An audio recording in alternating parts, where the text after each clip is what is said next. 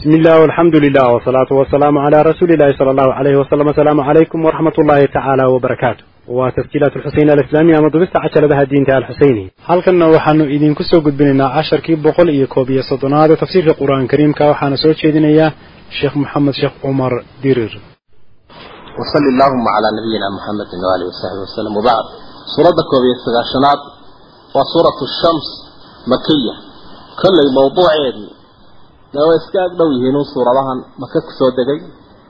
Oo. Wuxunay ka warramaysaa mawduuca caqiidada. Nafta insaanka iyo teeda wanaagsan iyo taliidada iyo tusaale ilaahay iyadoo u bixinaya arrinta duqyaanka. Umaddu marka iyo jeer xadda tallawdo xumaanta ay leedahay. Reer samuud baa ilaahay tusaale uga dhigaya. Bismi illaahi araxmaani araxiim washamsi baan ku dhaartay buu ilahay yihi qoraxdii wa duxaaha iyo iftiinkeeda waalqamari dayxii baan ku dhaartay idaa talaahaa marka uu qoraxdii raaco ka daba tago waannahaari maalinkii baan ku dhaartay idaa jallaaha marka uu faydo qoraxdii macnaheedu waxa weye qorax la aragyaaba maalin la aragyaaba qorax baa soo baxay wallayli habeenkii baan ku dhaartay idaa yakshaha marka uu daboolo wuxuu daboolayaa qoraxdii ayuu liqaya wasamaa'i baan ku dhaartay wamaa banaahaa iyo dhismaheeda marka adduxaa barqinkaa la ydhaha laakiin iminka waa daw-eeda iyo iftiinkeeda oo had iyo jeer waktiga ay ugu iftiin badantay qorax waa halka digtiisa markaasaa ugu iftiin badantay barqada dayixii baa raacay qoraxdii waa meerayaal wareegaya mid waliba majraha iyo halka ilaahay ugu talagalay ayuu wareegaya maalinkii baa qoraxdii muujiyey waa kawkab nahaariya. Waa xidigaa maalintii iftiimaya ee soo muuqanaya. Habeenkiina iyadii buu daboolay oo meesha uu ka saaray. Intuba runtii waa aayaad aada iyo aada u cajiib badan. Habeenkii iyo maalinkii gabaldhacayo waa beriga barqiga iyo duhurka intaba waad u fiirsanaysa. Wasamaa'i wamaa banaahaa buu lahay samada iyo waxaan ku dhaartay dhismaheeda.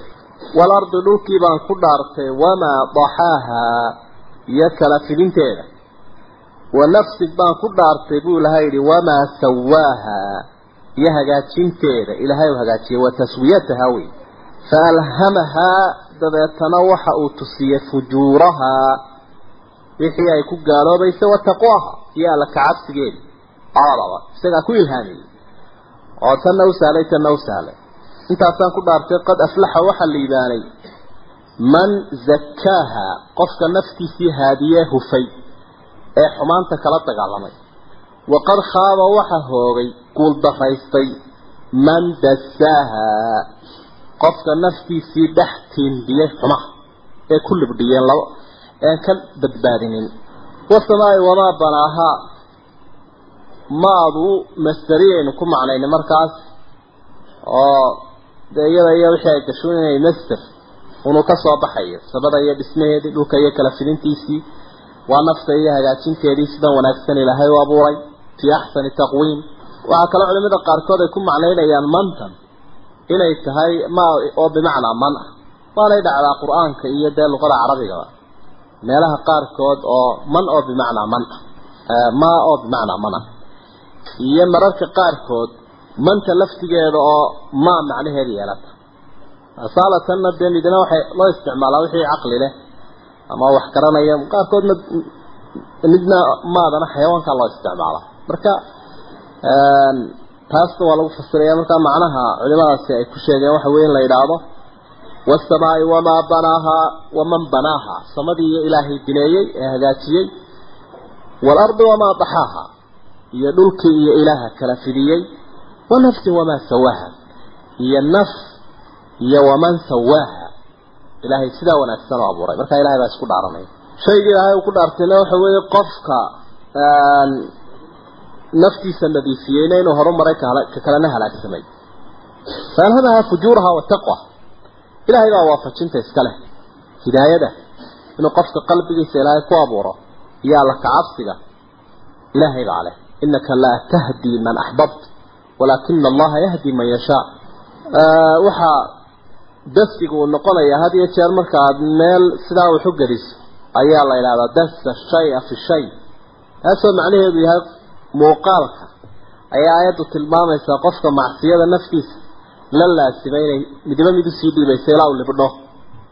Oo qofkii waslad laga qaatay laga waayo. Tusaala ilaahay uu bixiyey haddaba. Dadka naftoodii xumaanta ku libdhiya aakhiriya adduunyada seegay. Qad aflaxa man zakaaha waqad khaaba man dasaaha marka macnaha caamka ah ayuunbaa wanaagsan sakaat fudrigii waa macno ka caamsan wey kadabad way beenisay samuudu qolada la yidhaahdaa rasuulkii bay beeniyeen bidaqwaaha kibirkeeda darti id wakti bay beeniyeen in bacatha uu soo baxay ashqaahaa qoladaa kii u guuldarro badnaa. Fa qaala lahum wuxuu ku yidhi rasuulu ullah rasuulkii ilaahay oo saalixa naaqata allah hasha ilaahay daaya daruu naaqata allah. War ilaahay hashiisana uu soo diray mucjisadaa daaya wa suqyaahaa iyo cabitaankeedana ha ka hor joogsanine daaya fakadabuuhu way beeniyeen. Facaqaruuhaa way dileen hashi hadhuundhabeenay boqon gooyeen. Fadamdama calayhim. Waxa uu ku daboolay rabbuhum ilaahoodii bidanbihim bisababi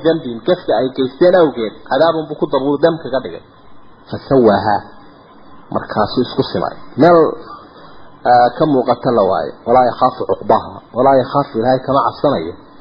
Cuqbahaa qoladaa uu halaagay godobtooda ilaahay kama cabsanayo waa run. Yaa wax weydiin karaya odhanaya. Ilaahay maxaad kuwa ku gashay laa yusalu camaa yafcalu wahum yusaluun reer samuud waxa ku kalifay in ay beeniyaan rasuulka ah. Duqyaan baa ilaahay uu ku tilmaamay. Waadaama cadaaladda.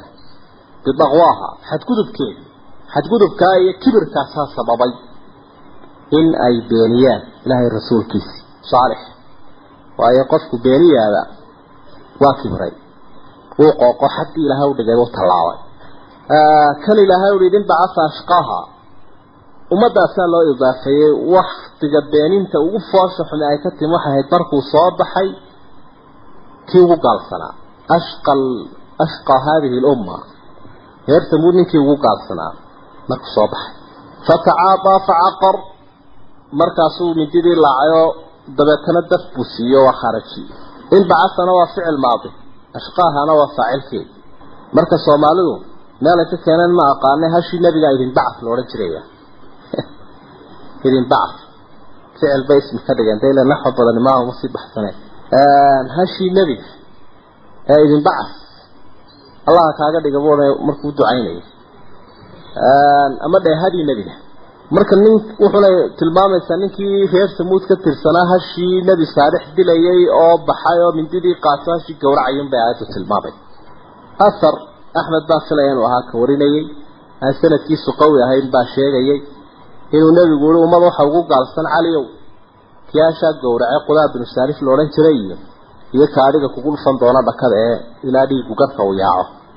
Cabdiraxmaan imuujim ninkii la odhan jiray bee cali dilay cuqbat bnu abi mucayd ayuu mararka qaarkoodna nebigu ku tilmaamaya ashqa hadihi lumma ummadanka ugu gaalsani inuu iyo kii nebi maxamed caleyhi salaatu wasalaam dusha ka saaray mindhicirkii hashii la gowracay isagoo nebigu sujuudsan idin bacasa ashqaaha rasuulkani waxa uu leeyahay war hasha daaya cabitaankeedana daaya marka weerarku hashana uu ku maqan yahay in biyaha loo diido laga cuno qabateeyana waa ku maqan yahay.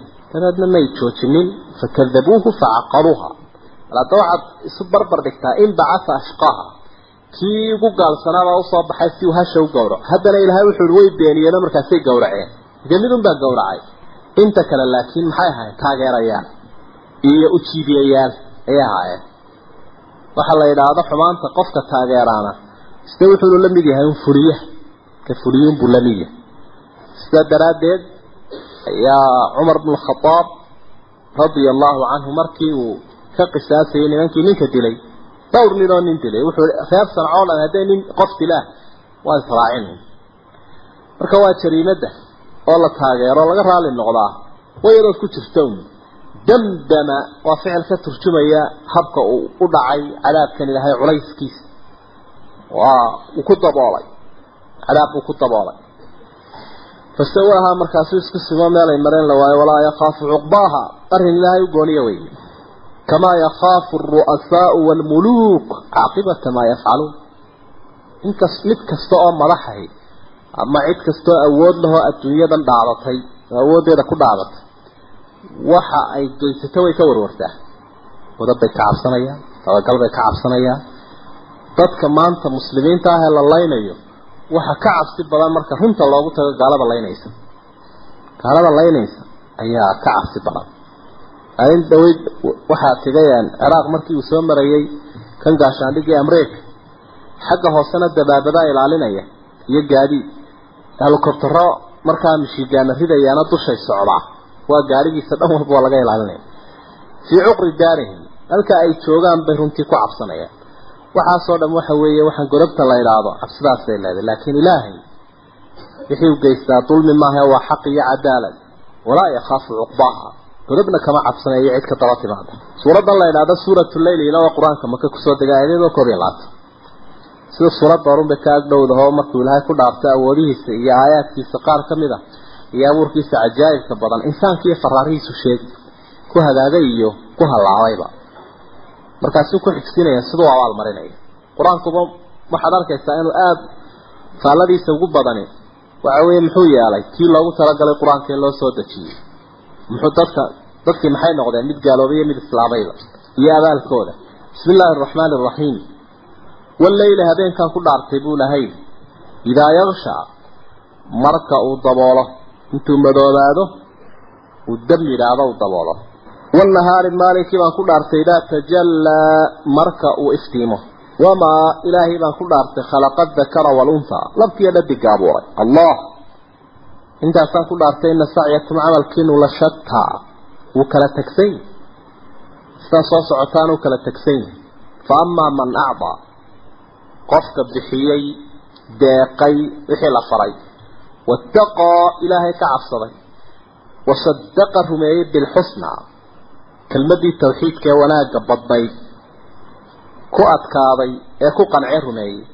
Fasanuyasiruhu kaa waxaan u sahli doonaa bilyusraa kii furuday wa amaa man bakila ka adaygay wastaknaa kaaftoomay ee wixii uu haystay ku maarmay een ilaahayba u arkin inuu u baahan yahay. Wakadaba bilxusna tii wanaagsanaydna beeniyey oo kelmadii ka gacan taagtoo dafiray. Fasanuyasiruhu waxaan u sahlayaanu ku riixi lilcusraa arrintii adkayd tii adkayd. Marka waa awoodaha ilaahay yaabka badan ee cajaa'ibka caalamkiiyo innagaba la xidhiidha habeenkiiyo maalinka maxaa ka badan intuu qur'aanku soo celcelinayay iyo qoraxda iyo dayaxa iyo markay sii dhacayso iyo markay soo baxayso aada buu badan yahay waa ayaad runtii qofku marka uu indheer garad noqdo macrifada ilaahay ay u korodho si weyn uu u akrii karayo. Yaan macrifo lahayna wuxuuna igu muuqataa wax dabiiciyan waxba ka sii hooseynin mudnayna in lagu dhaarto. Marka yakshaa markuu daboolo kownka habeenku markuu kownku daboolo runtii dee qofka tasarufaadka ilaahay u fiirsanaya isbeddelka caalamka. Wax badan buu dareemaya. Wax badan ayuu dareemaya. Sukuunka yimi iyo xarakada istaagtay marxaladda uu qofkani gelayo. Maxaa kaloo soo bixi kara qoraxdayn may soo noqon mise saasay ku tegi doontaa? Iyo maalinkii oo iftiimay isaguna. Wamaa khalaqa dakara walunha saynu hore u soo tilmaanay waman khalaqa dakara walunha ilaaha abuuray labka iyo dhadig. Oo dee labka iyo dhadigu runtii dee abuurkoodu cajaa'ibkeeda ayuu leeyahay waxaa laga yaabaa uur hooyo inuu lab iyo dhadig mar qura ka soo wada baxo. Nudfadaa yar baa ilaahay uu farhaara u yeelay oo uu lab iyo dhadig ka sameeyey. Inan iyo inan hadduu doonayo labaabu ka badiyeyba wamaa khalaqa dakara walunha iyadoo nudfo keliya ay ka soo wada baxeen.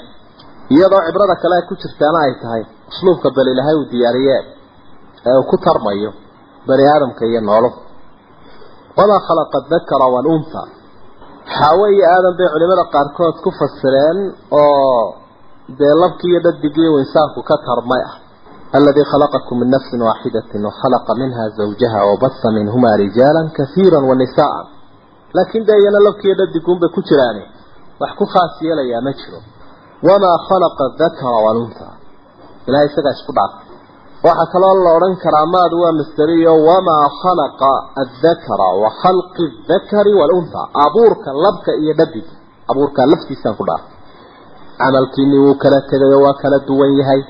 Waa run isku mid maaha dadka nifka camal falaya ee is-ag joogaa laba isku guri uhoyda laba walaala laba isku jinsiyada ayaa ciriga dhul isu jira. Cirka iyo dhulka isu jira oo aada aragtay oo sunnadu ayna baraysa ama qur'aan iyo xadiis ba aynu ku haynaa qaar nabiga ag taagnaa calayhi salaatu wasalaam in dee mar walba la nacdalayo. Oo rumayn waaye dee qaarkoodna ay yihiin. Dee asxaabtii ugu fadliga badnayd. Iyadoo laga yaabo qaarkood inay inan iyo inan inan iyo aabihiisu yihiin oo ay isdhaleen faamaa man acdaa wattaqaa muxuu bixiyey. Wuxuu bixiyey wixii waajiba lagu lahaa waajib iyo suunaba qofku ammaan buu ku leeyahy laakiin shayga haddii uu bixin waayo cadaab uu ku yeelanayo oo waajibka ah kaasa ammaan uu ku leeyahy bixintiisa. Wasadaqa bilxusnaa jannadana waa lagu fasiray. Waxaa kaloo lagu fasiray tawxiidka oo kelmadii wanaagsaneyd ee qaaliga ahayd. Ee waxu miisaanmaya aanu jirin kelmadaasuu rumeeyey oo u aqbalay oo camal uu ku fuliyey. Jannaduu rumeeyey haddii lagu fasirana macnaheedu waxa way qofka jannada rumeeyey dee camalkeedu la yimaadaa.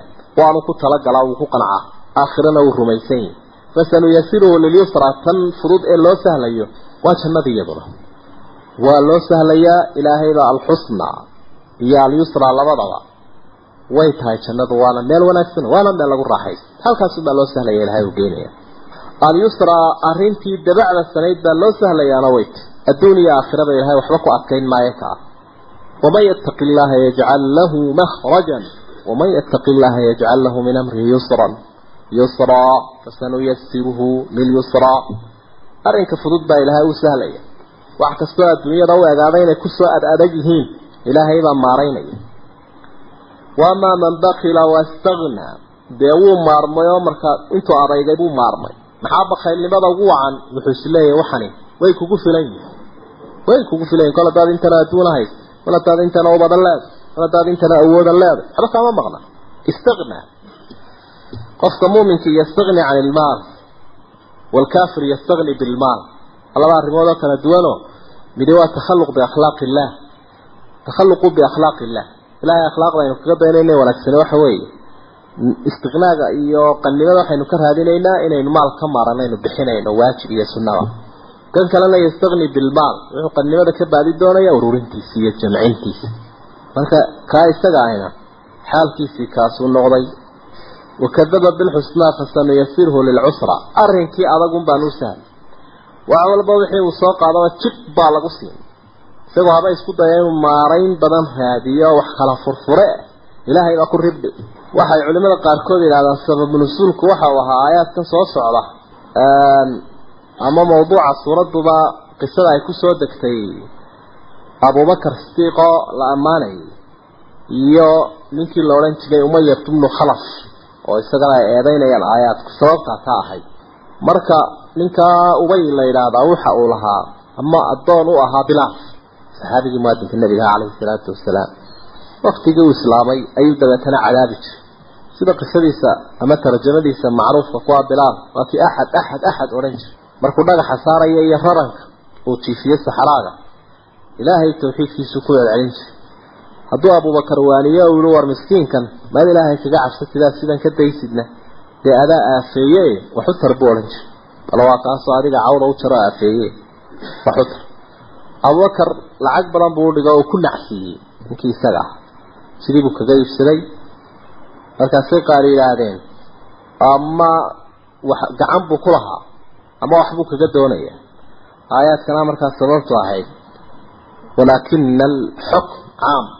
Aayadka macnahooda waa caam sababtaaba ahaada wamaa yugnii canhu kama tarayo xaggiisa maaluhu xoolihiisu idaa taraddaa naarta marka uu ku dhaadhaco waxba xoolihiisu kama tari doono.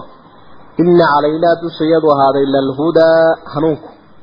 Hanuunku dushaydu saaran yeedaa ilahay uli cidda hanuunaysa ilaahayna ka hesha wa ina lanaa annagay noo sugnaatay buu rabbi yidhi laalaakhirata waaluulaa ta dambe iyo tan horeba. Adduun iyo aakhiraba ilaahay gacantiisay ku jiraan. Iyo hagaajintooda faandartukum waxaan idinka digay naaran ayaan idinka digay taladaa holcaysa. Sidaa isu dhex maraysa oo miliqsanaysa laa yaslaaha ma galo oo daf ma yidhaahdo ila alashqaa. Kii guuldarrada badnaa kaasunbaa taas ay u qorshaysanta alladii kaasoo kadaba beeniyey wixii ay ahayd in la rumeeyo. Watawallaa xaqiina ka sii jeedsaday. Wasayujannabuhaa aladqaa waa laga dheerayn doonaa kii taqiga ahaa. Ee markaas ilaahay ka cabsanayay. Kaasi isagu geli maayo waa ka fogaanaya. Ama abubakar ha ahaado ama qof kastoo mu'min oo wanaagsan alladii kaasoo yuutii maalahu xoolihiisa bixinayay yatazakaa isagoo ishagaajinayo naftiisa hufaya. Wamaa liaxadin qofna uguma sugnaanin cindahu agtiisa min nicmatin gacan tujza laga abaalinayo. Qof gacan ku lahaa oo uu ka abaalinayaa ma jirto. Ila ibtiqaa'a wajhi rabbi. Ilaahiisa wejigiisuunbuu ula jeeday wuxuu bixinayay. Laakiin cid gacan ku lahayd kamuu abaalinay allihii alaclaa ee sarreeyey walasawfa hadhow wuu yardaa? Raali noqon doona. Hadhow wuu mabsuudi doonaa kaas wixii uu doonayo heli doonaa ilaahay baa sidaa ku tilmaamay qofka arkay adduunkan waxa uu hayo inuu yahay wax ku filan oo aan uga baahanaynin ilaahay waxba xoolihiisu kama tari doonaan. Sidaasaanay tahay oo gaalka ahay marka uu calaancalayo ayuu soo qaadan doonaa. Maa aghnaa canii maaliya halaka canii suldaaniya sidaasuu leeyahy maa aghnaa canii maaliya? Wax alla wuxuu xoolahayga iga taray ma jirto. Awoodaydii waxa ii anfacdayna ma jirto. Wamaa yugnii canhu maaluhu idaa taraddaa yowma laa yanfacu maalun walaa banuun ilaa man ata allaha biqalbin saliim. Hadduu qalbigu caafimaad qabi waayo maalintaa dad iyo duunya toona waxba ma anfacayso. Waxba ma anfacayso. Haddaba waxa ilaahay uu tilmaamay qayb alla inay dhacday oo qorshaha ilaahay uu ku dureeray inuu qaybna hanuunka u qadaray qaybna halowga ina calayna lalhudaa adduun iyo aakhiraba anaale baa ilaahay weli marka qofka kollayba ilaahay wax weydiisanaya ee kol hadduu ilaahay yidhi wa ina lanaa lalaakhirata waaluulaa ilaahay adduun iyo aakhiraba ha weydiista allaxa jeclo xumaday ka mid tahay iyo barya xumada qofku intuu gacmaha kor u qaado ilaahay wax weydiistay inuu adduunyo u weydiisto balo fiirso ducooyinkii nabiga calayhi salaatu wasalaam ima inuu jannu ilaahay weydiisanaya waa imaa naar buu ka magan gelayaa saxaabigiibuu ku leeyahay xawla haatayni nudandin waar anaguba jannadaa iyo naartaasunbay ducada iyadu ka agdhowday oo labadaasumaanu intana ilaahay ka magan gelaynaa tanna ilaahay baryaynaa. Faman zuxzixa can innaari waudkhila aljannata faqad faaz. Taasay ugu dhantay min jawaamici ducaa ayay ka mid noqotay ducada ah allahuma inii as'aluka aljannata wamaa qaraba ilayha min qawlin aw camal waacuudu bika min annaari wamaa qaraba ilayha min qawlin wacamal soo koobtayba waina lanaa lalaakhirata waluulaa. Ilaahay baa adduun iyo aakhiraba labadaba wanaagooda iyo mustaqbalkooda iyo aayahooda isagaa gacanta ku haya. Markaasuu ku ammaanay qofka muuminka inuu leeyahy rabbanaa aatinaa fi dunyaa xasanatan wafi laakhirati xasanatan waqinaa cadaaba annar labadaba ilahay buu baryay faandartukum naaran taladaa laa yaslaha ila alashqaa kaasunbaa ilaahay u qoray aladii kadaba watawalla kan kale laakiin taqiga abubakar iyo keyrkiiba ilaahay baa isaga ka badbaadinaya waa laga dheeraynaya wasayubcad can innaari taqiy annaqiy almubaaliq fi ijtinaab الشرك والمعاصي الذي يؤتي ماله يتزكى وجهدده مالك ادو بخنيسا waxa weeye inaad ilaahay wax kaga doonto yatazakka nafsaadana aad ku nadiifiso. Idina gacan kuma ilahayn cid gacan ku lahayd ma jiro oo markaa jawaab waxay u tahay haddii dadka qaarkood ay odhan lahaayeen ama ay yidhaahdeen dee abaalmarin buu uga dhigaya wala sawfa yarda. Suuradda la yidhaha suuratu duxa saa aad arkayso waxay ka ag dhowdahay un suuradda hore markuu ilaahay ku dhaarto waxyaabaha qaarkood oo makhluuqaad ka mida oo aynu soo marayno suuradaha hore ku soo marayno nebigu si toosa ula hadlaya calayhi salaatu wasalaam shubuhaadkii iyo madmadowkii iyo khuraafaadkii gaalada la deerifaynaya markaa nebiga waxa ilaahay uu waxna wuu ka anfiyayaa meeshuu ka saaraya jawaab ah. Oo gaalada jawaabtoodii ah waxna ilaahay wuu ugu mano sheegtay. Waxna waa la faraya aan idhaahna saddex arrimoodna waa loogu bushaaraynaya saddex arrimoodna waa loogu mano sheegtay saddex arrimoodna waa la faraya macnaheedu waxa weye saddexdaa arrimood waa lagugu bushaareeyey saddexdaana horaaba lagugu yeelo waad ka markhaati furaysaa waa lagugu ilaahay baa kugu gallad sheeganaya saddexdaa arrimoodna abaalmarin dhigo haddaba. Adigoo ilaahay nicmadiisa ku mahadnaqaya. Ilaahay ixsaankan kuu sameeyey adoo umahadnaqaya adna ixsaankaa samee. Marka la soo koobo. Xadiidka saxeixa waxa uu tilmaamayaa in nabiga calayhi salaatu wasalaam gabadi ay u timid. Riwaayan kale saxiixeynka ku jirin baa waxay xusayaan gabadhu inay ahayd ti abi jahl ti abi lahab inay ahayd. Imraatu xamaalat alxatabti dabeedna waxay leedahay maxamedow shaydaankaagii maalmahan waxaan maqlay inaanu waxba kuu sheegine. Masaasuu kaaga tegay kaa markaa nabiga caleyhi salaatu wasalaam ayay mooraal jabinaysa kuwa ag joogana way waswaasinaysa. Liannaha shaydaanatun shaydaan iyada lafteedaa shaydaan ka dhex hadlaya. Oo waatayn hore u soo xusnay shaydaanku meeluhu dego waa alkhabiisu min alamkinati waalashkhaas hoygiisu waa dadka xun. Marka qof unbaa kelmadi ka soo yeedaysa aada la yaabayso madaxu faarayo wuu uu ka dhex hadlay. Wuu yidhi dhexdiisuu ka yidhi ilaahay baa marka suuraddan soo deji. Waxyiguna xoogaabuu kadib dhacay nabiga caleyhi salaatu wasalaam. Riwaayooyinka qaarkood oo markaas sanadkoodu aanu qawi ahayn ayaa waxay tilmaamayaan inuu nabigu takbiir sameeye tahliil allahu akbar laa ilaaha ila allahu wallahu akbar. Intaasuu yidhi kolkii dabeedna ay suuraddan loo akriyay malagu u sheegay. Oo macnaheedu yahay inuu ku faraxsan yahay waxyigii ka raagay oo maanta bilaabmay oo soo degay. Oo jawaabtii kaafirkuna meesha ay ku hadlay. Markaa dee adiga arkay oo cilmi alqiraa'aadka iyo qolada tajwiidku way takbiirtaas intaa ka dambaysa way akriyaan laakiin riwaayadaa sanadkeedu qawi maaha bismi illaahi araxmaani araxiim waduxaa barqinkaan ku dhaartay buu ilahay yihi walleyli habeenkii baan ku dhaartay idaa saja. Marka uu dam idhaado ee uu madoobaado aqbala bidulaami kolka uu madowgiisii la soo qaabilo. Marka habeen la sheegaya adduxaa barqinkiina waa maalinti maalinkii iyo habeenkii buu ilaahay ku dhaartay.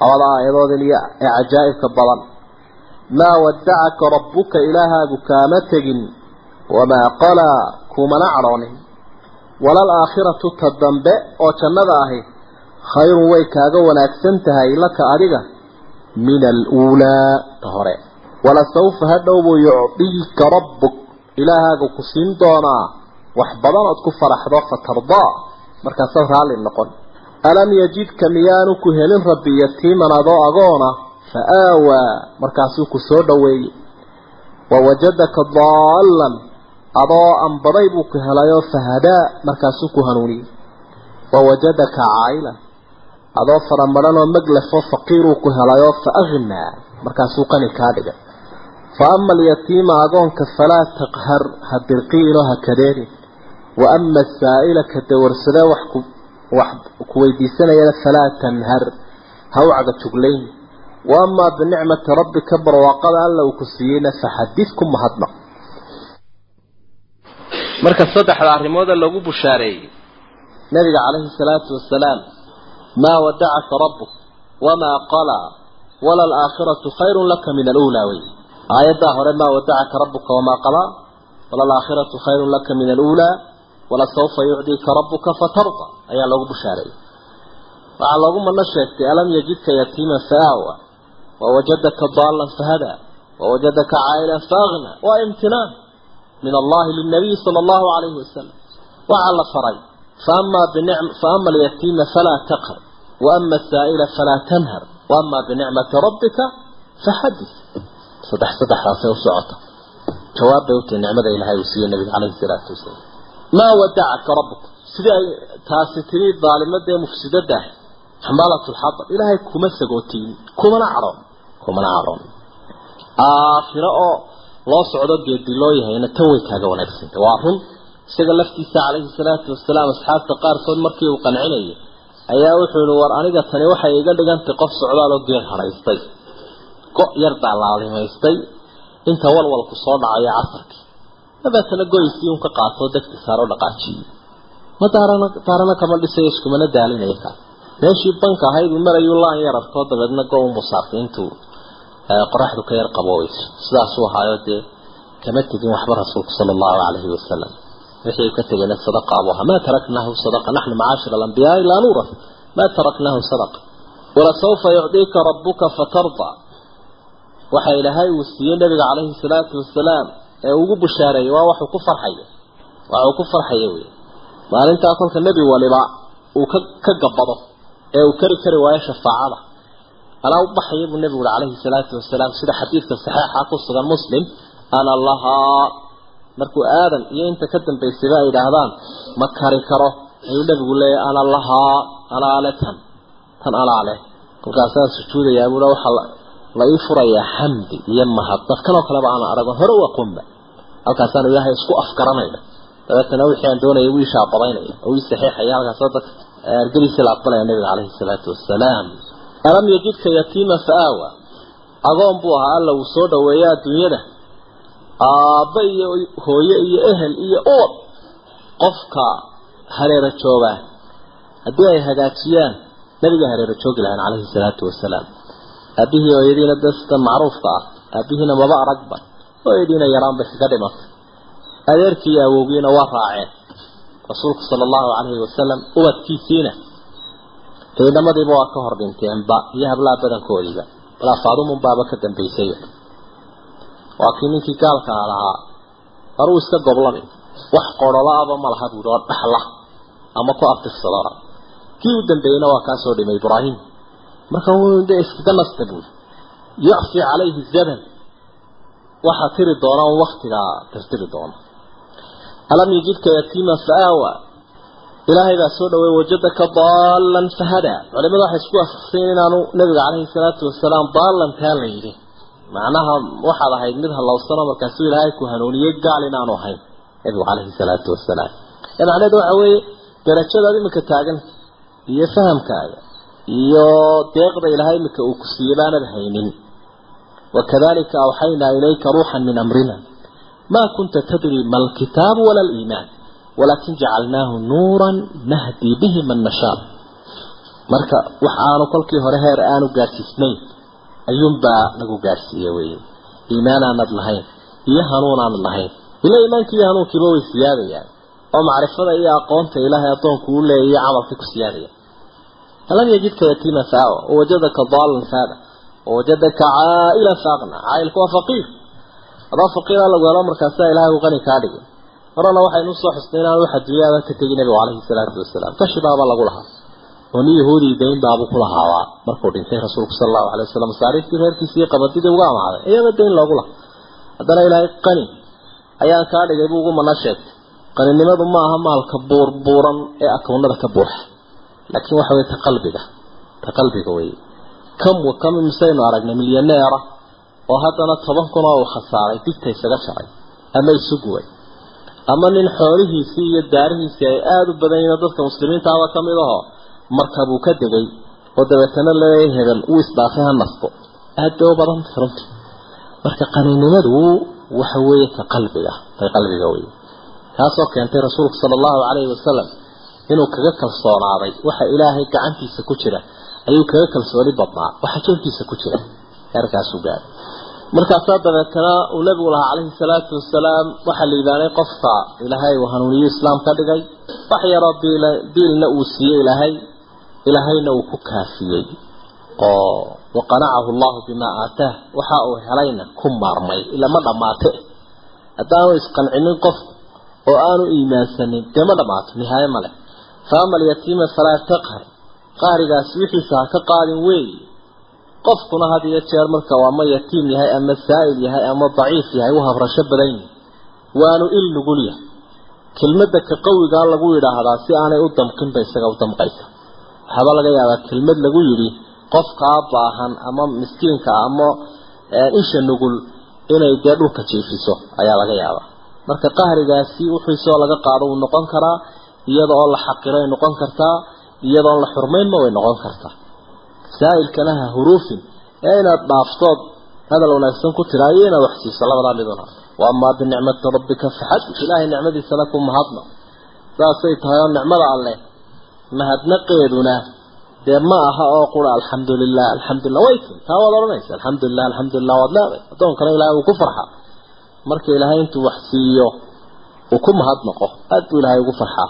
Walow raashinkaadu cunayaba dee adiga arkay marka uu qofku ka faaruqo la yidhaha alxamdulilah waanu idhaahda alxamdulilah aad buu ilahay u jecel yahay. Qalbigiiyo dee qowlkaba u noqdaa waxaanu noqonayaa ficilkana. Icmaluu aala daawuuda shukraa wa qaliilu min cibaadiya shakuur buu ilahay icmaluu aala daawuuda camal fala. Daawuud aalkiisiiyo maxay? Shukran. Manaa camal kale waa shukrigii iyo mahadnaqi amaa binicmati rabbika faxadi suuraddaa fariisagaashnimada waa suuratu sharx oo alam nashrax suuradaha u gaagaabana sideeda aayadood ta horun baad moodaysaa inay ku xidhantay ama qayb ka mid ay tahy waayo dee nabiga calayhi salaatu wasalaam khitaabka iyo nicmada ilaahay uu siiyey si toos ilaahay ula hadlaya. Bismi illaahi araxmaani iraxiim alam nashrax buu ilahay yidhi miyaanaan ballaarinin laka adiga sadrak laabtaada miyaanaan ballaarin? Waanu ballaarin. Wa wadacnaa cank xaggaagana waxaanu kaa riixnoonu kaa ridnay. Wisraka dembigaagii alladii kaasoo anqada cusleeyey dahraka dhabarkaaga. Warafacnaa waxaanu kor yeelnay laka adiga dikrak sharaftaada. Fa ina maca alcusri dhibka waxa weheliya yusra fudayde la qabso ogow ina maca alcusr dhibka waxa weheliya yusra fudayd.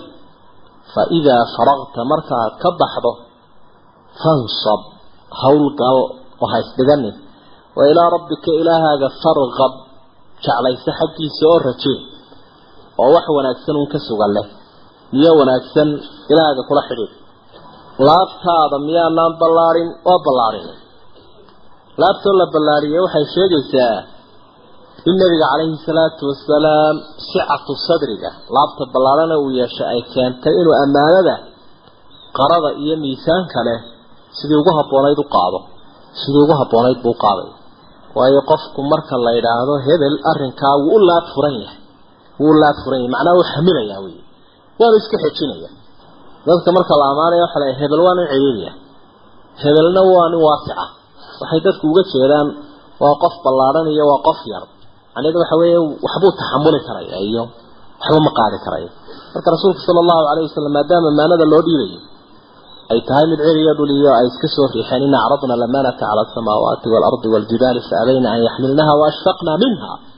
Iyo maadaama amaanada garabka dhabarka u dhigayo ilaahay baa u furfuray. Waana tuu codsanayay nabigu calayhi salaatu nabi muuse calayhi salaam markii uu ilaahay dirayay rabbi shrax lii sadrii wayasir lii amrii waxlul cuqdatan min lisaanii yafqahu qawlii ilaahw qalbiga iyo qowlkaba fur buu leeyahy amaanadani way culus tahay mu'minkana ilaahay wuugu mana sheegtay afaman sharaxa allahu sadrahu lilislaam. Qofka ilaahay uu laabtiisii islaamnimada u ballaariyey oo dabeetana nuurkii islaamka uu qalbigiisa galay kamishkaa kan kale ee markaa aan helin sicatu sadrigan iyo laabfurnaantan xaqa iyo ammaanada iyo culayskeeda u yeelanayana dee waa kaa ilaahay tilmaamay kaanamaa yastacadu fi samaa waa xarajan dayiqa cidhiiri buu noqday sicirka fulay oo kale. Taasi way jirtaa siyaabaha loogu ballaariyay bay ka mid ahaydba mid la taaban karayaba inuu ilaahay ka dhigay calayhi salaatu wasalaam rabbi subxaana watacaala nebiga.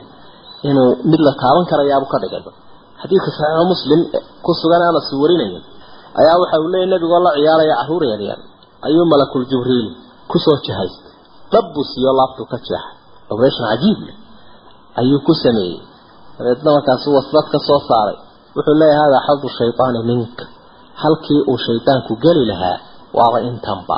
Waa laga soo siiday un waa meel de aanay dhakhaatiirtu waslada aanay weyn. Kaa kama qali karaan dhakhaatiirta imika khibradda ule qaliinka iyo camaliyadaha may gaadhin taasoo meel ay jari karayaan marka halkaasuu gaadho isagoo ka jaray. Meeshuu gelaya waa kan buulo dabeedna wuxuu soo qaaday tashti dahabo biyo samsam ay ku jiraan. Halkaasuu ku maydhay markii uu safeeyo ka buufiyo kadibna sidiisiibuu u tolay. Fiikar cajiib uu mariyay oo dhagax oo aan infection iyo waxba ka imanayn halkaasuu ku bogsaday. Yararkii way yaabeeno markii arkeen nabigii oo la ruquusay. Waxay u ergeeyeen ay u carareen. Dee islaantii jaqsiinaysa iyo xaggeed haddii la soo gurmadoo loo yimidna fastaqbaluuhu wahwa mutanaqicu lawn iyadoo dee diifta ay ka sii muuqata nabiga ayaa la arkay calayhi salaatu wasalaam anas binu malik oo nin yar ahaa berigii dambe madiinada u shaqaynaya nabiga wuxuu leeyahy raadkiibaabaan sii arki jirayba halkii laga jeexayba. Waktiga laabta loo furee loo ballaariyey waa taas wey waa waxaan inaga had iyo jeer dee ina soo meeshan isaga laga rife laga jaray. Bal marka aada istidhaahdo wax wanaagsan u dhaqaaq. Wax bixi cibaadayso. Naf iyo maalba wuxuun hur wixii lagu faray. Nafta ina nafsa la amaaratun bisuu markaasaa dabeetana insaankii waxsaa u lulaya. Xagga macsiyadana waxbaa dabada ka riixaya. Wawadacnaa canka wisrak wisrigii baa lagaa riday dee alladii anqada dahrak kii dhabarkaaga cuslayay macnaheedu waxa weye siduu maanta ahaa. Nabigu calayhi salaatu wasalaam waktigaa la culay. Iyo dee siduu markii hore ahaa isku mid maaha wuxuu gaaray dee ashrafu lkhalqi buu noqday. Nabigu calayhi salaatu wasalaam waktigii hore si aanu ahayn buu noqday. Ilaahay wuxuu ugu mana sheegtay warafacnaa laka dikrak haddii gaaladu ay leeyihiin wuu iska dhimanayo wuu goblan. Anna waxaan kor yeelay baa ilahay ui sharaftaada ayaan kor yeelay. Sharaftii nabiga calayhi salaatu wasalaam ayaa ilaahay u kor yeelay. Xasaan binu saabit baa taa sii macnaynayo waxau lahaa wadama alilaahu isma annabiyi ilaa ismihi idaa qaala fi lkhamsi almu'adinu ashhadu washaqa lahu min ismihi liyujilahu fadulcarshi maxmuudun wahada muxammadu waxa uu ihi magaciisa ayuu ilaahay uga dilaaciyey. Magaca nabiga calayhi salaatu wasalaam ilaahayna waa maxmuud. Waa ilaaha mahadda leh. Nabiguna waa maxamed calayhi salaatu wasalaam magaciisa la soo qaadaya rasuulka mar kasta oo la aadaamaya ashhadu an laa ilaaha ila allah waashhadu ana muxammadan rasuulu llah oon laga goyn kara inaanu adaan noqonayn haddii laga rifo intaasoo laga jaro marka malaayiin dibnood ayaa mar walba rasuulka sala allahu calayhi wasalam magaciisa soo qaadaya mar walba ku salliyaya mar walba ka warinaya mar walba hadalaya. Warafacnaa laka dikrak fa ina maca alcusri yusran ina maca alcusri yusran. Inaanu yaabyaabin oonu waxba warwarin nabigu laakiin sunnada iyo adduunyada dhacda dhacdooyinkeeda ula qabsado sunnada kawniga ah ayaa la baray. Isaga iyo innagaba taasuu isna hormuud inoogu yahay. Meeshan aynu joognaa waa meel lagu imtixaanaya. Waa meel waxyaabaha dawaaficeeda iyo nawaasiceeda iyo musiibooyinkeeda ay badan yihiin weerarka qofka ku imanaya ayaa aada u badan jihooyin kala duwan ka imanaya. Mid naf leh ehel leh maal leh cadow leh shaydaan leh wax waliba way ku fogan yihiin. Faramo badan waa ku furan qofka. Marka waxaasoo dhan waa cusrigii. Laakiin ma waaraane yusri baa ku xigaya. Weliba afar baa waxau ahaa lan yakliba cusrun yusrayni kama adkaan doono hal cusri laba yusri. Macnaha hal dhibaato laba fudayd kama xoog badan doonto carabi ahaan baa waxaa jirta ismiga ayaa afar xaalo yeeshay mar waa nakiro marna waa macrifo. Dadka haddii ismi laba jeer la soo celiyo mar waa macrifo marna waa nakiro. Marna labadu waa wada macrifo marna labaduba waa wada nakiro inay isweydaarsan yihiin inay isku mid yihiinba afartaa xaalo ay ka soo bixi karaan laba laba lagu dhuftay marka macnaheedu waxa weeye haddii ismigii la soo celiyo isagii oo ah macrifo waa kii hore uun. Haddii laakiin la soo celiyo isagii oo nakiro ah waa hayru lawal kii hore mid aan ahayn wey marka ereyga aad eegto al cusri oo laba jeer soo noqday waa macrifaysan yaho al ku jirta. Macnaheedu waxa weeye cusrigan dambe la sheegay waa cusrigii hore uun. Laakiin ereyga yusrana al yusri maaha laakiin waa yusran waa laba yusri markaa isagu. Idan waxaa la odhan karaa afarkaasi wuxuu iftiiminayaa qaacidadaas naxwiga ayuu iftiiminaya marka laba yusri ayuunbaa cusri walba hareeraha ka xiga. Haddaad yusri ku jirto cusri uu kugu dhaco yusri baa ku sii xigaya saasuunu la qabso. Ilaahay farajkiisa mar walba filo fa faraqta fansab ilaa rabbika farqab fa faraqta fansab. Markaad maxay ka baxdo kolka aad ka baxdo cibaadada aad ku jirto dee hamoodin inay cibaadadii dhammaatee sii wad. Haddaad masaajidka ku cibaadaysanayso ama cilmi bara ama cibaado ku jirood banaanka u baxdo cibaadadii may dhammaan. Suuqay ka furanta baskaad fuhaysay ka furanta gurigaagibay ka furanta xafiiskay ka furanta meel walba cibaadadii ka wad. Fansab haddaad cibaado hore ka baxday may dhammaane wadun fa idaa faraqta asalaa fansab adciyadii iyo ducooyinku nabigu inoo jideeyey calayhi salaatu wasalaam. Wixii khayra markaad ka baxdo khayr kale ku xidhiidhi wey fa idaa faraqta marka aad ka baxdo cibaadada fansab shaqaysana la yidhi. Fa idaa qudiyat isalaatu fantashiruu fi lard howlgala iyadoo hadda howlgalkaa laftiisa aada dee dhinacii cibaadada uga faa'iidayn doonto. Markaa diin iyo dunyaha la ysku wado. Wa ilaa rabbika farqad. Ilaahayna rajeeyo mar walba isaga yu-o oo wax ka suuratul tiin. Waa suuraddii shan iyo sagaashanaad ayadeeduna oste bismi illaahi araxmaani araxiim watiini baan ku dhaartay baa ilahay ui geedka tiinka la idhaahdo iyo wazaytuun iyo geedka zaytuunka la idhaahdo otuuri siniin iyo meesha duurusiinan la ydhaah ee nabi muuse ilaahay uu kula hadlo wa hada albalad alamiin iyo wadankan maka magaaladan maka aaminka ah intaasaan ku dhaartee laqad khalaqna alinsaana insaankii waanu abuurnay aadam iyo kuwuu dhalayba fii axsani taqwiim habkii ugu fiicnaa baanu abuurnay. Uma radadnaahu waanu celinay asfala saafiliina kuwa hooseeya isaga oo u sii hooseeya. Asfala saafiliina kuwa hooseeya isagoo ka sii hooseeya. Ila aladiina aamanuu laakin aladiina aamanuu wacamilu saalixaat dadka alla rumeeyey camalka fiican falay falahum ajrun hayru mamnuun abaalmarin bay leeyihiin aan laga goynayn. Famaa yukadibuka maxaa ku diidsiiyey bacdu intaad waxaasoo awooda ilaahay soo aragtay kadib bidiini qiyaamaha maxaa ku diidsiiyey gaalow? Alaysa allah rabbi miyaanu hayn biaxkami alxaakimiin kuwa wax go'aamiya ee wax kala saara ee wax kala gura ka ugu xukun wanaagsan miyaanu hayn mee wuu yahay galaa.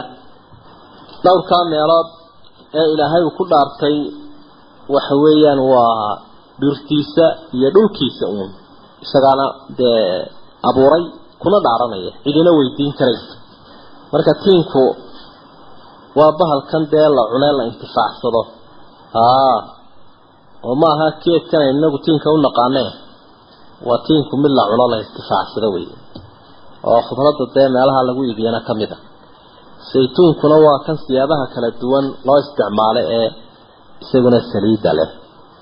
Washajaratan takhruju min duuri saynaa tanbutu biduhni wasibqi lilaakiliin marna la siraadan karo marna lagu subkan karo marna laga dhigan karo wax raashinka layskaga idaamo waa barwaaqo ilaahay uu siiyey dadka oo ku badan ardu shaam oo la dheefsado waa kan aad arkayso iyagoo ka rifaya cagafka ku jarjaraya malaacinada yuhuudda ahi dadkii muslimiinta ahaa ee beerta ee ku tabcay ka awow ka awow beeranayay ayaad arkaysa iyagoo gunta ka jaraya oo cagafkii ku jaraya saytuunkii qaaliga ahaa ee wanaagsanaa saliiddiisa la intifaacsanaya duuri siniin waa halkaa iyadana ilaahay uu kula munaajooday ee micraajkii ama israagii nebi muuse calayhi salaam uu ka dhacay ee ilaahay uu ku casuumay.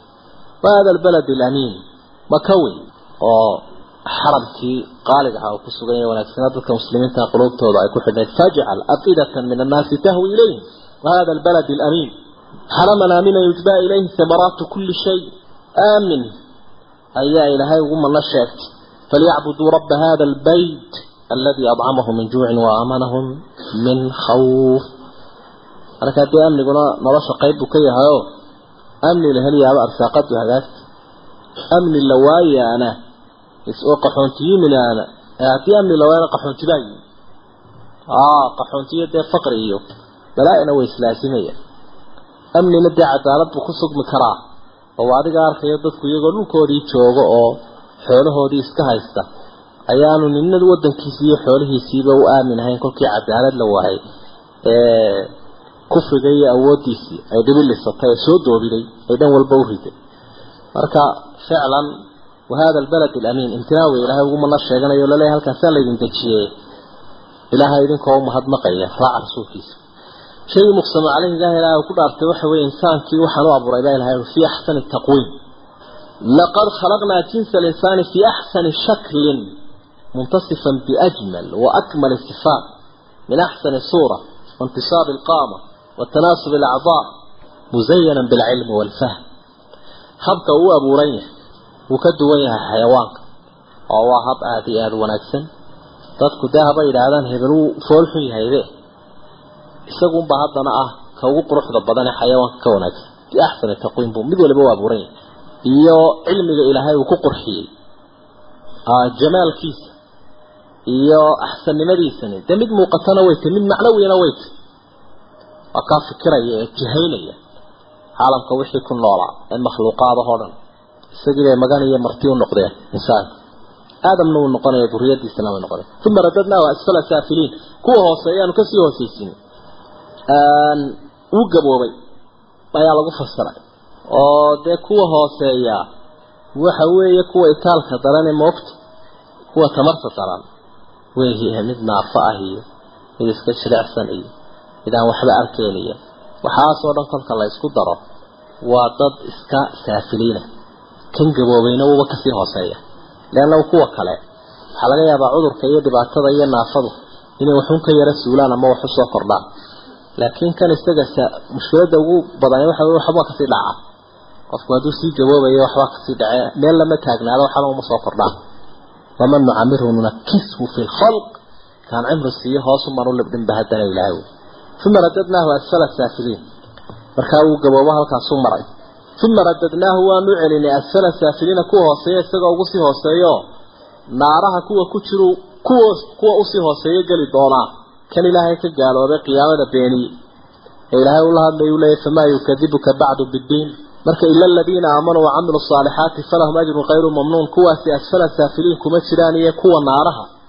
Xagga hoose u galaya iyagu. Ee ilaahay baa nabadgeliyey falahum ajrun khayru mamnuun haddii laakiin la yidhaahdo radadnaahu asfala saafiliin waa qofkii gaboobay. Dee ila aladiina aamanuu kuwaas mooyaane oo iyagu ma gaboobaan macnaheedu maaha istisnaha munqaticaho waxa weeye warbixin baa ilaahay uuna siiyaa qofkii inuu gaboobayo. Markaasaa warbixin labaad weyna siiyey oo ah in dadka wanaagsanna ilaahay ha gaboobeeno sidaaba ha ku dhinteene laakiin aayatiin wanaagsan ay helayaan falahum ajrun khayru mamnuun alaysa allahu biaxkami alxaakimiin markaasoo kale waxa sunnaa in la yidhaahdo balaa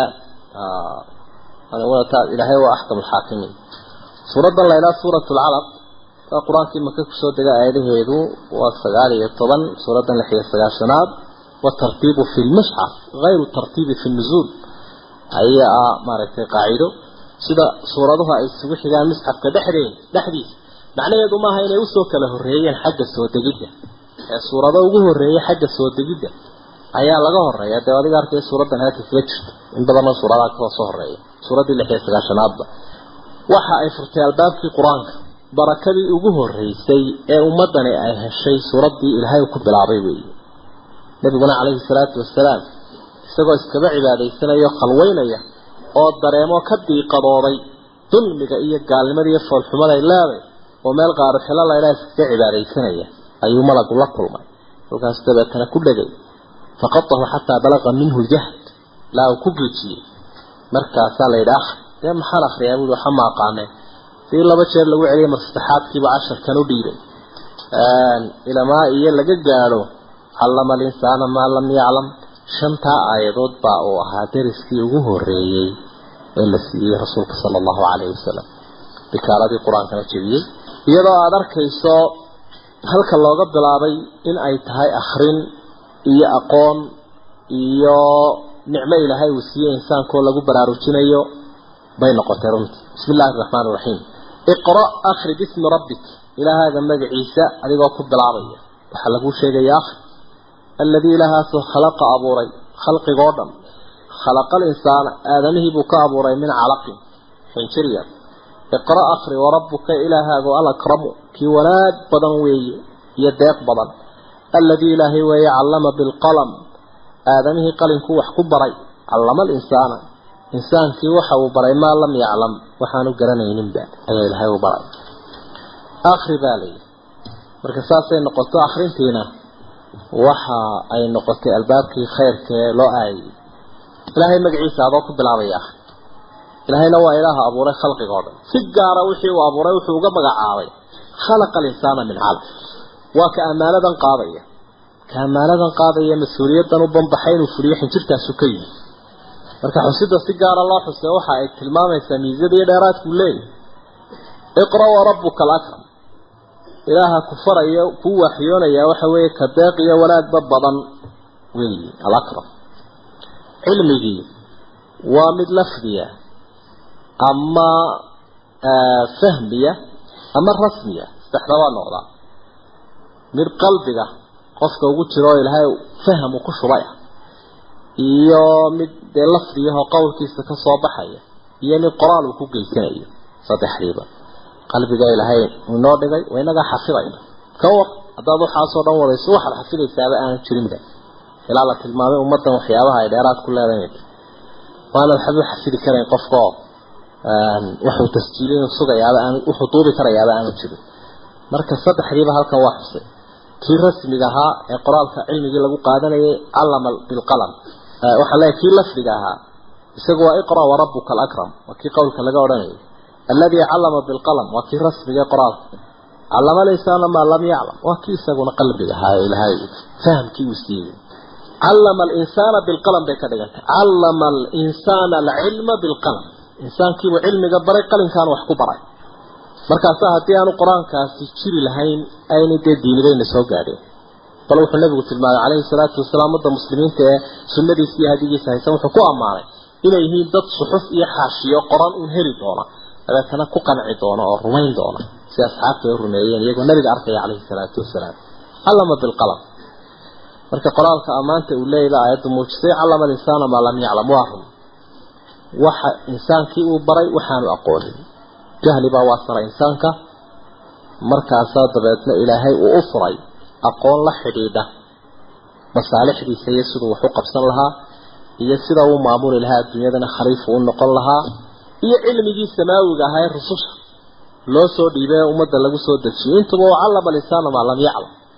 Waa adigaa arkay maanta eh waxyaabaha ay runtii dadku soo kordhinayaan ee cajaa'ibka badan lisaana maa lam yaclam unbuu soo gelaya. Wallahu aclam